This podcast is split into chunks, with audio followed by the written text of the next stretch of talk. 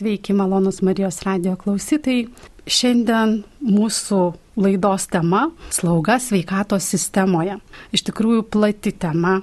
E, ir laida skirta gegužės 12 dieną paminėtai slaugytojų dienai. Ir laidoje dalyvauja Kauno klinikos slaugos koordinavimo tarnybos vadovės pareigas einanti mokslų daktarė Daiva Zagurskinė. Su ją prieš laidą padariau trumpą įrašą, o studijoje išplėstinės praktikos slaugytoja Kauno klinikos kardiologijos klinikos vyriausiai slaugytoja slaugos administratorė Aušra Dubosinė. Labadiena. Ir anesteziologijos klinikos vyriausiai slaugytoja slaugos administratorė Daiva Didvalė. Labas vakaras, gerbiami klausytojai. Ir jas kalbinu aš Kauno klinikų dvasinė asistentė Svetlana Adler Mikulieninė. Tai pradėsime apžvelgdami, kas yra e, ir kokią vietą užima, tai prašau paleisti įrašą. Kokią dalį slauga sudaro sveikatos sistemoje? Slauga yra neatsiejama sveikatos priežiūros dalis. Ir slaugos specialistai sudaro didžiausią sveikatos priežiūros specialistų dalį. Taigi slauga ir gydimas eina kartu koja kojon ir turbūt tikrai neįsivaizduojame slaugytojo be gydytojo, kaip ir gydytojo be slaugytojo. Taigi tik komandinis darbas užtikrina paciento gerovę. Slaugytojų labai gaila, bet šiai dienai trūksta pasaulis, kitos Europos valstybės pradėjo tą trūkumą jausti šiek tiek anksčiau. Deja, Lietuvoje mes taipogi jau šiandien jaučiame specialistų trūkumą ir vat, būtent irgi yra diskutuojama, svarstoma apie tai, kaipgi galėtume išvengti šitų susidariusių sunkumų. Ir kaip vienas iš pavyzdžių irgi tarptautinės slaugytojo dienai paminėti, Kaune Žalgerio arenoje organizavome konventą kur dalyvavo virš 350 dalyvių. Pagrindė tai buvo tiek mokymo institucijos rengiančios slaugos specialistus, tiek slaugos specialistų įvairios organizacijos, įvairūs atstovai iš įvairiausių sveikatos priežios įstaigų iš visų Lietuvos kraštų. Taigi labai džiaugiamės šią tradiciją, kad kiekvienais metais, gegužės 12 Florencijos Nightingale gimimo dienos proga, organizuojame konferenciją, kurioje stengiamės susitikti, padiskutuoti, išklausyti vienų kitus ir kažkaip bandyti spręsti susidariusios problemas. Kaip konvento išdava, konferencijos dalyviai parengė rezoliuciją, kuri pasieks tiek sveikatos apsaugos ministeriją, tiek kitas institucijas. Slaugytojai iš tiesų tie sveikatos priežos specialistai, kurie pasitinka į gyvenimą ateinančią naują būtybę ir palydė mirties atveju. Slaugytojų darbo baras yra labai platus, jie dirba tiek pirminėje sveikatos priežos grandyje, tai yra darbas su bendruomenė, darbas su šeimos gydytoju, taipogi dirba slaugytojas mens sveikatos priežos įstaigose, tiek diagnostiniuose padaliniuose, stacionariniuose skyriuose, operacinėse, reanimacijose ir taip toliau. Didelis dėmesys skiriamas slaugos namams, palityviai pastoviai priežiūrai. Taigi e, slaugytojų trūkumas jaučiamas ko gero visose grandise ir tiek rajonuose, tiek ir didesnėse įstaigose. Ką daryti, kaip reikėtų to išvengti, kaip reikėtų sudominti jaunesniuosius mūsų kolegas, kad pasirinktų šią specialybę, kaip išlaikyti jau atėjusius dirbti į sveikatos priežos įstaigos darbuotojus, kaip juos motivuoti, yra tikrai diskutuojama ir sprendžiami šitie klausimai ir turime blogos politikos gairias, pagal kurias irgi vadovaudamiesi dirbdame, dirbame, taipogi veikia slaugos komitetas prie sveikatos apsaugos ministerijos, kur svarstomi aktualiausi klausimai. Lietuvos sveikatos mokslo universitetas slaugos fakultetas šves 30 metį. Tiesiog e, grįžta prisiminimai, kaipgi buvo prieš 30 metų, kokia atrodė slaugyto ir kaip, kaip atrodė slauga. Taigi, sakyčiau, vertinant 30 metų laikotarpį, turbūt slauga žengia milžiniškai žingsniais. Ir tai kokia slaugytoja buvo prieš 30 metų ir dabar turbūt e, net nesulyginami dalykai. Tai labai džiugu. Tačiau žiūrint vėlgi iš šios dienos perspektyvos ir įvertinant, kad tai visas gyvenimo sritis ateina robotizacija, turim sutikti visi, kad pacientui vis tik tai turbūt daugelį atvejų renksis slaugytojos akių žvilgsnį užjaučianti ar pagodžianti, slaugytojos ranko prisilietimo sunkiu gyvenimo momentu.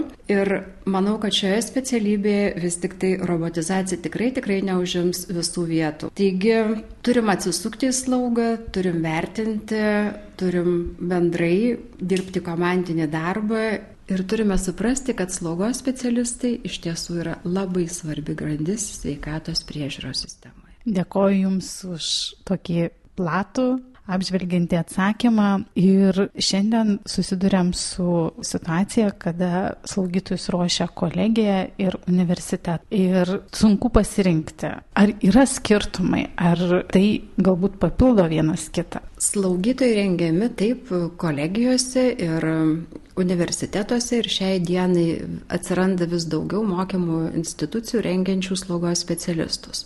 Kiekvienam iš mūsų turbūt e, skirtingai įsivaizduojame savo gyvenimą, gyvenimo kelią ir sudėliojame prioritetus ir savo poreikius. Taigi turbūt labai sunku būtų pasakyti ir paskatinti studijuoti vienoje ar kitoje mokymo institucijoje, tačiau turbūt reikėtų atkreipti dėmesį į tai, kad slaugytojai praktikai yra tikrai puikus tiek baigę kolegijas, tiek baigę universitetus. Tačiau baigus universitetą, ko gero, yra didesnės karjeros galimybės. Tai yra slaugytojai gali būti ne tik tai, irgi, ne tik tai puikus praktikai, Jie gali būti dėstytojais universitetuose ir renkti savo naujosius kolegas ateinant į šią specialybę, gali būti mokslininkais ir šiai dienai tikrai yra jau nemaža dalis slaugytojų, kurie yra apsiginę mokslo daktaro laipsnį, kurie turi docento laipsnį, turime slaugytojų turinčių profesoriaus laipsnį.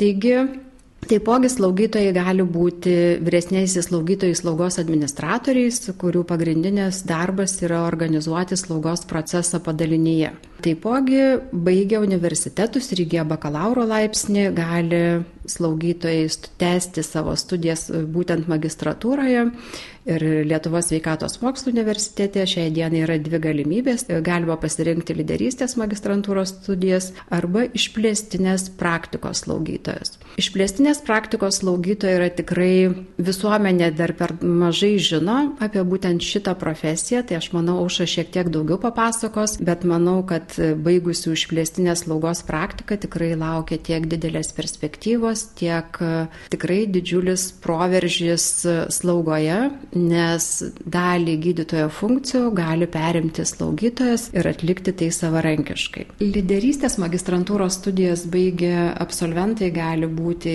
skyriaus vyresniai slaugytojai slaugos administratoriai ar tai slaugos direktoriais ligoninėse. Tačiau pagrindinė esmė turbūt netiek svarbu slaugos specialistai, kur bus įgyję savo profesiją, tačiau labai svarbu, kad moksleiviai nebijotų stoti šią specialybę, kad nebijotų jos rinktis, kad turėtume pakankamai slaugytojų ir gebėtume motivuoti juos išlikti šioje profesijoje, nes puikiai suprantame, kad nuo to priklausys kokybiška paciento slauga ir mūsų pacientų gerovė. Ačiū Jums už atsakymus, o toliau tęsime laidas. Girdėjome įrašą su Kauno klinikų slaugos koordinavimo tarnybos vadovės pareigas einančia mokslo daktarė Daiva Zagurskienė. O toliau tęsėme laidą ir primenu slau, visiems klausytojams, kad šiandien laida e, telefonu 865049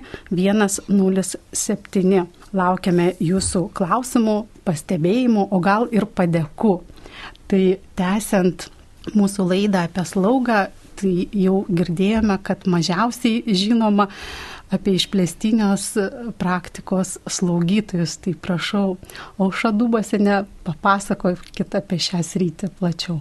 Taip, Svetlana, na iš tiesų išplėstinės e, praktikos slaugytoja tai yra pati naujausia, gal jauniausia e, specialybė turbūt sveikatos priežiūros sistemoje, kai pirmieji diplomuoti specialistai studijas baigė 2017. Na, tai taip skaičiuojant, penketą metų jau yra rengiami išplėstinės praktikos slaugytojai, jie yra rengiami universitetinėse, universitetuose, tai Lietuvos sveikatos mokslo universitete ir Vilniaus universitete.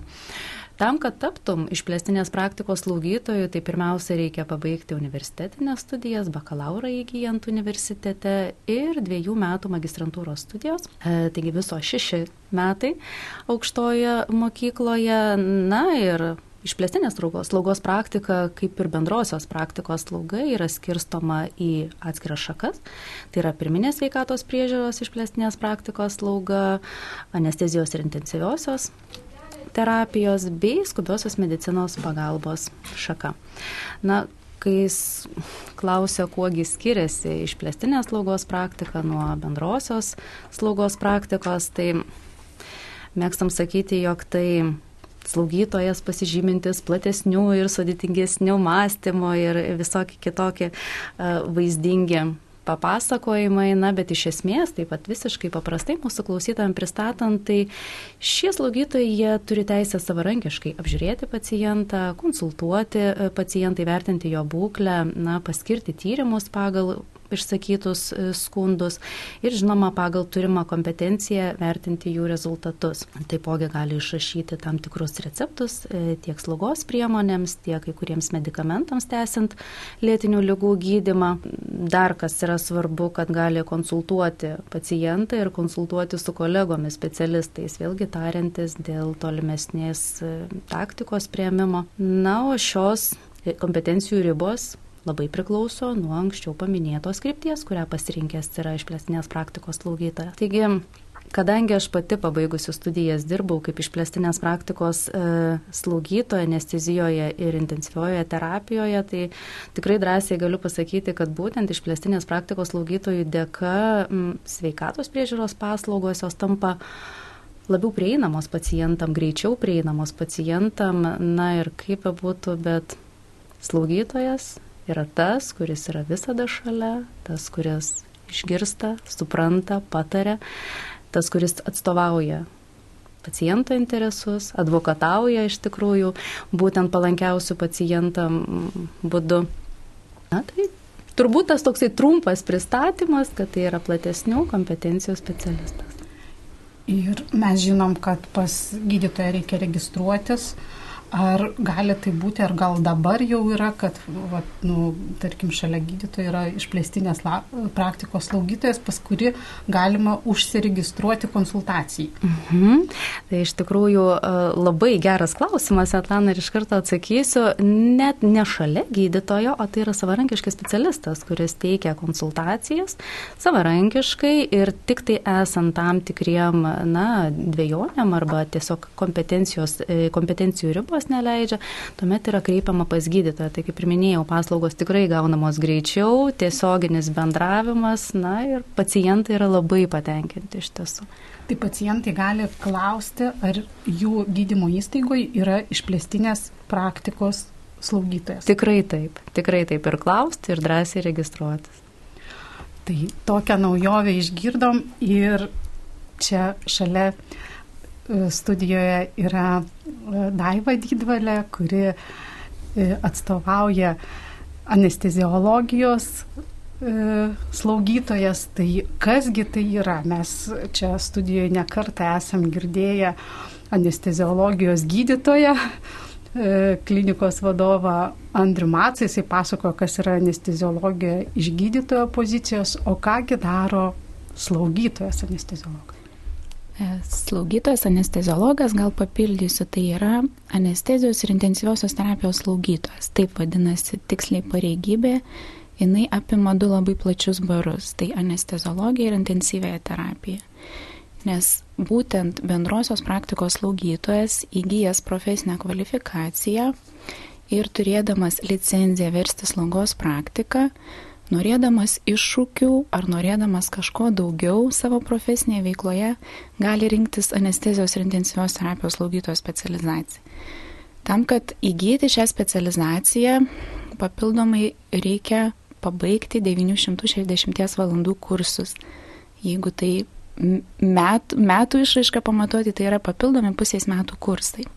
Tai, va, tai, tai šitą specializaciją pabaigęs specialistas gali dirbti tiek intensyvioje terapijoje, tiek įvairiose ponestezinės priežiūros poskiriuose, operacinėse būtent anestezijos slaugytojo funkcijoms atlikti ir skausmo gydimo klinikose, kurių e, šiuo metu Lietuvoje steigėsi ir atsiranda vis daugiau. Tai jeigu susiaurinti ir kalbėti tik tai apie anestezijos slaugytoją, kaip dalį šios profesinės kvalifikacijos pareigų, tai yra, sakyčiau, komandoje su gydytojo anesteziologu, bet kartais ir vienas e, specialistas kaip Angelas Sargas operacijos metu. Tai yra žmogus e, stebintis funkcijas gyvybinės, užtikrinantis jas ir alarmuojantis, jeigu yra kažkokia netikėta ar nenumatyta situacija, kviečiantis gydytoją anesteziologą. Nes e, Lietuvoje sveikatos priežiūros sistemoje yra taip, kad ne visada, ne prie kiekvieno paciento gali būti gydytas anesteziologas, ypač didesnėse įstaigose, o anestezijos ir intensyvios terapijos slaugytoja privalo būti viena. Jeigu nėra anestezijos ir intensyvios terapijos slaugytojo, konkrečiai operacinė, operacija net nepradedama. Tai va, tai šis slaugytojas yra pirmasis žmogus, kuris pastinka prie operacinės durų pacientą, jį paruošia, kitaip tariant, nusiveža ant operacinio stalo, pasiguldo, užkloja, pašildo, e, nuramina, kas, nes tikrai labai labai pacientai stresuoja atvykę į operacinę. Ir pirmasis jos darbas yra išpunktuoti veną, tai yra įvesti intraveninį kateterį, tam, kad būtų prieiga suleisti medikamentus, nes nei jokia anestezija nepraeina be medikamentų. Tai va, tai yra tas pirmasis žmogus, kuris pasitinka. Vėliau, žinoma, jisai vykdo gydytojo nurodymus ir leidžia, kaip ir minėjau, medikamentus, asistuoja gydytojo anesteziologui įvairioms procedūroms, intervencijoms, kurios reikalingos konkrečiai operacijai, ar tai būtų punktuojama centrinė vena, ar, ar arterijos punkcija atliekama, ar dar kažkokie tai nu, paruošiamieji darbai konkrečiai narkozijai, kokia reikalinga tai operacijai. Ir vėliau stebi, užtikrina, palaiko e, narkozės etapus arba anestezijos kaip mes jau mediciniškai pripratę sakyti. Ir tai yra žmogus, kuris būna prie paciento, kai jisai pabunda. Ir jį vėlgi palydė ir saugiai atiduoda su gydytojo anesteziologu į kitas rankas, ar tai būtų intensyviosios priežiūros skyrius, ar tai būtų ponestezinė palata, ar tai būtų tiesiog eilinė stacionarinė ligoninės palata. Ačiū už tokį ekskursinį, galima sakyti, pasakojimą, nes kai Daiva pasakojo, aš jau viską įsivaizdavau, kaip viskas vyksta, nes kartais tenka irgi susidurti su tam tikrais dalykais. Ir norėčiau dar paklausti klausimo apie vaikų anesteziją. E, išleidot leidinį. Ir ar jisai tik tai Kauno klinikoms, ar čia plačiau ligoninėms, nes žinau, kad tikrai vaikai, kurie gauna knygutė Marsio miegas e, iš tikrųjų ramiau, e, kaip sakant, e, pereina tą anestezijos procesą, nes jiem ten paaiškinta ir labai gražiai paaiškinta e, vaikiškai, kad jie nebijotų. Tai iš kur gimė ta idėja ir ar tai tik tais Kauno klinikose šitas leidinys? Idėja gimė iš mūsų jaunųjų gydytojų anesteziologų, reanimatologų, kurie važinėja po pasaulį ir viską, ką pamato įdomaus, praktiško, saugaus, inovatyvaus, jie tas idėjas parsiveža. Ir, ir kaip ir minėjot, jūsų studijoje buvo nekarta profesorius Andrius Macas, jisai tas idėjas skubai gyvendinti, jas labai palaiko.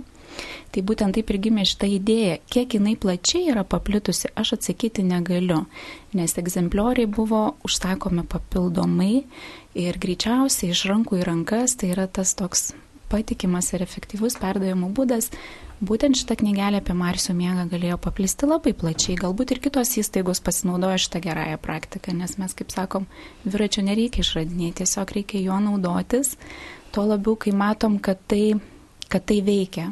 Būtent šitas įrankis veikia. Tai ačiū už savo specialybių pristatymą. Malonus Marijos radio klausytojai, toliau tęsėme laidą skirtą slaugai sveikatos sistemoje ir studijoje šnekamės su dviem nuostabiom slaugytojom Aušra Dubosenė ir Daiva Didvalė. aptariam išplėstinės praktikos slaugytojo darbą, anesteziologijos, reumatologijos slaugytojo darbą. O dabar pereikim prie tokių kasdieniškų klausimų, su kuriais susidurėm su įvaizdžiu. E, slaugytojai įvaizdis paprastai e, yra, kad tai yra švelni, e, rūpestinga moteris, kuri padeda, patarnauja negalėje, bet viską, ką išgirdom, nelabai atitinka tokį įvaizdį, kaip žmonės kreipiasi seselę. Ar neįsižeidžia šio laikinės slaugytojas išgirdusios tokį kreipinį? Na, už kiekvieną slaugytoją turbūt būtų sudėtinga atsakyti, bet tiek, kiek matome savo darbo aplinkoje ir kiek diskutuojame su slaugytojais, netgi ir su gydytojais yra tekę, e, kaip čia pasakyti, diskutuoti, aiškintis, e, prašyti jų vadinti tikrąją profesijos e, tikruoju vardu, tikruoju pavadinimu, tai yra slaugytojai, nes Lietuvoje nuo nepriklausomybės laikų ši pareigybė tiesiog yra sutrumpintai slaugytojas. Be abejo, aš tikrai nemanau, kad uh, slaugytojas įsižeistų, kai yra kviečiamas sesutė, nes ta sesutė tai toksai, nu, toks šiltas žodis ir tikrai visi suklūsta ir, ir, ir atsiliepia ir, ir atsigręžia į tą kviečiantį žmogų. Be abejo, vertint, vertinant dabartinę slaugos mokslo pažangą ir tai, kokie slaugytojai yra edukuoti, inovatyvūs ir kaip ir buvo minėta, ir, ir su aukštaisiais mokslais, vis tiek pamatiniai šios profesijos šaknis tai yra pagalba žmogui, tai yra altruizmas, tai yra nuolankumas, tai kaip ir turėtų nereaguoti į kažkokius kitokius pavadinimus. Ne, iš esmės tai yra pagrindinė pareiga padėti žmogui. Tai, tai nežinau, ar pilnai atsakiau jūsų klausimą dėl slaugytojo įvaizdžio. E, vėlgi, dabartiniai laikai labai atliepia į tą įvaizdį ir, ir turbūt ir ne vienam teko girdėti, kad šią profesiją renkasi ir vaikinai, tai yra slaugytojai. Ir, ir daug kur girdime, kad slaugytojos, slaugytojos, slaugytojos. Ir man tada vis laikas skauda širdį ir už tuos slaugytojus. Ir aš bandau pataisyti, nes ir mūsų anestezologijos klinikoje jau turime tris vaikinus. Vienas netgi yra iš užsienio šalies įsidarbinęs. Taip kad šitoje vietoje jau neslaugytoja, bet slaugytojas. Dėl pačio įvaizdžio turbūt kiekvienas klausytojas, kuris yra buvęs pacientų, ir turėjęs asmeninių patirčių ir susidaro tą nuomonę, koks, ko, kas tai yra tas slaugytoja, koks tas įvaizdis. Turbūt daugumai tai asocijuojasi su baltų halatu, ištiesta pagalbos ranka, medikamentų leidimų, kažkokiu tai intervencijų atlikimų, pa, pagalba jas atliekant ir paaiškinimu. Ir žinoma, tai visada turėtų būti atliekama labai maloniai. Kada pacientas gauna išsame informaciją, atidų tokį pasižiūrėjimą į jį, aš manau, kad jis išsineša labai geras patirtis ir, ir automatiškai tą įvaizdį tokį patikimo specialisto, kuris tartum labai labai artimas žmogus padeda įvairiose situacijose. Tai dėl įvaizdžio tiek, aišku, mes vėlgi ir, ir konferencijas, kuomet organizuojame ir analizuojame įvairias situacijas ir netgi ir klaidas, kurios pasitaiko mediciniai praktikoje, mes žinom, kad ne visada slaugytojas, kuris yra labai labai pavargęs ir turi didžiulį krūvį darbo, tiek, tiek etatinė išraiška, tiek pacientų skaičiumi, na, jis ne visada būna toksai malonus, koksai turėtų būti ar galėtų, ar netgi gal ir norėtų. Jam tiesiog ne visada gaunasi per tą bėgimą. Tai čia yra sistemos, sistemos, kur tobulėjimas ir ateitis ir mes tikimės, kad su laiku visi šitie dalykai susitvarkys ir slaugytojams bus reguliuoti tie darbo krūviai. Aušra, gal papildysit? Taip, labai gražiai iš tikrųjų Daiva papasakojo, aš jau net pati klausiausi ir, mmm, seselė tikrai mėla. Na, bet žinot, sako, kiek specialistų, kiek žmonių, tiek ir yra nuomonių. Ir gal tiesiog norėčiau pabrėžti dar ir kitą pusę, kad ir kokios šaknis prasidėję nuo seselės, nuo to švelnaus pavadinimo, tačiau aš girstu, išgirstu kolegų tarpę e, ir įsižeidimo, nes, kaip ir sakau, yra ir ta kita pusė. Ne iš blogosios valios aktualios tikrai tie įsižeidimai, tiesiog galbūt um, siekiant pabrėžti savo identitetą, profesijos svarbą, nes tas laikas, kai buvo rengiamos medicinos seseris, jis buvo kiek kitoks. Medicinos sesuo paklusniai vykdydavo gydytojo nurodymus, na ir ne visada galėdavo išsakyti savo specialisto nuomonę. E, tuo tarpu slaugytojas, šiandieninis slaugytojas, jisai pakankamai yra kompetitingas ir neretai įvyksta net ir įdomios diskusijos ir su kitais kolegomis dėl kokybiškesnio gydimo, na, gal turbūt labiau gal ne gydimo, bet pačios slaugos. Taigi tas seselės pavadinimas m, mm, iš noro švelniau pavadinti, suprantamas, tačiau iš profesinės pusės, na, visgi norėtųsi, e, kad kiekvieną pavadintume vardu, savo vardu, o ne tuo, kuris gražiau skamba toks mūsų apibendrinimas ir aišku, e, nepamirškime, kad yra ir broliukų, tada jau jeigu kreipiamės seselės, tai nenustepkime, kad ir gali ateiti e, vyras, irgi slaugytojas. Tai tęsiant toliau laidą, norėčiau paklausti apie nematomą darbą. Mes dabar daugiausiai kalbėjome apie darbą tiesioginį su pacientais, Tačiau, kaip Daiva minėjo, yra sistema. Ir toje sistemoje yra daug nematomo darbo. Gal galite apžvelgti, kokį tą nematomą darbą atlieka slaugytojas?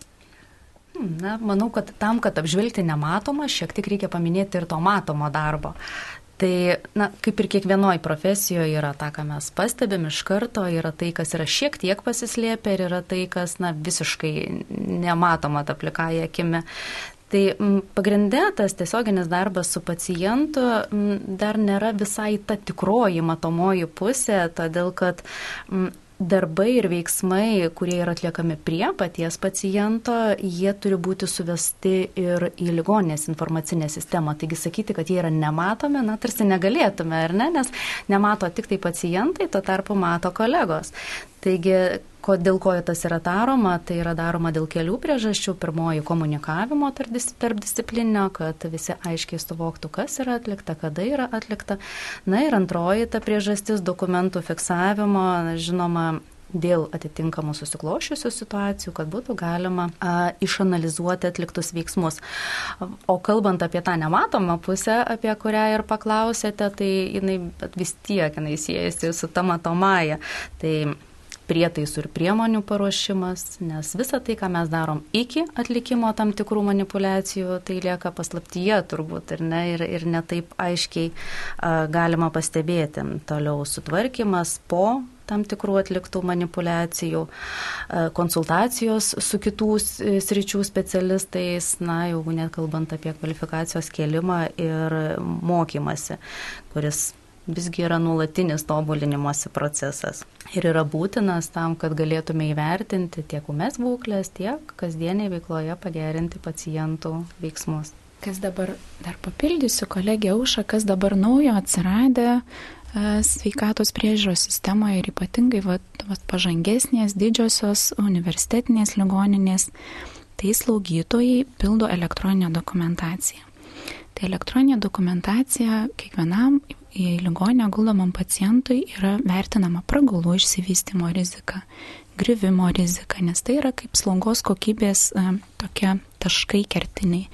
Tai vad ši, šitie darbai užtrunka labai daug laiko ir jie yra nematomi.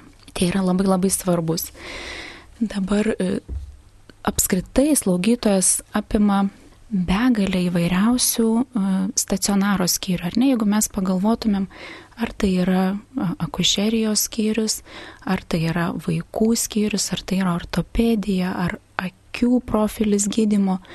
Tai tokį bandau įnešti platų, platų suvokimą, kiek bendrosios praktikos slaugytoja turi žinoti ir kiek jinai yra matoma visoje toje sistemoje, turbūt labiausiai tiek, kiek prisiliečia prie pacientų ir tiek, kiek tiesiogiai su juo kontaktuoja ir komunikuoja.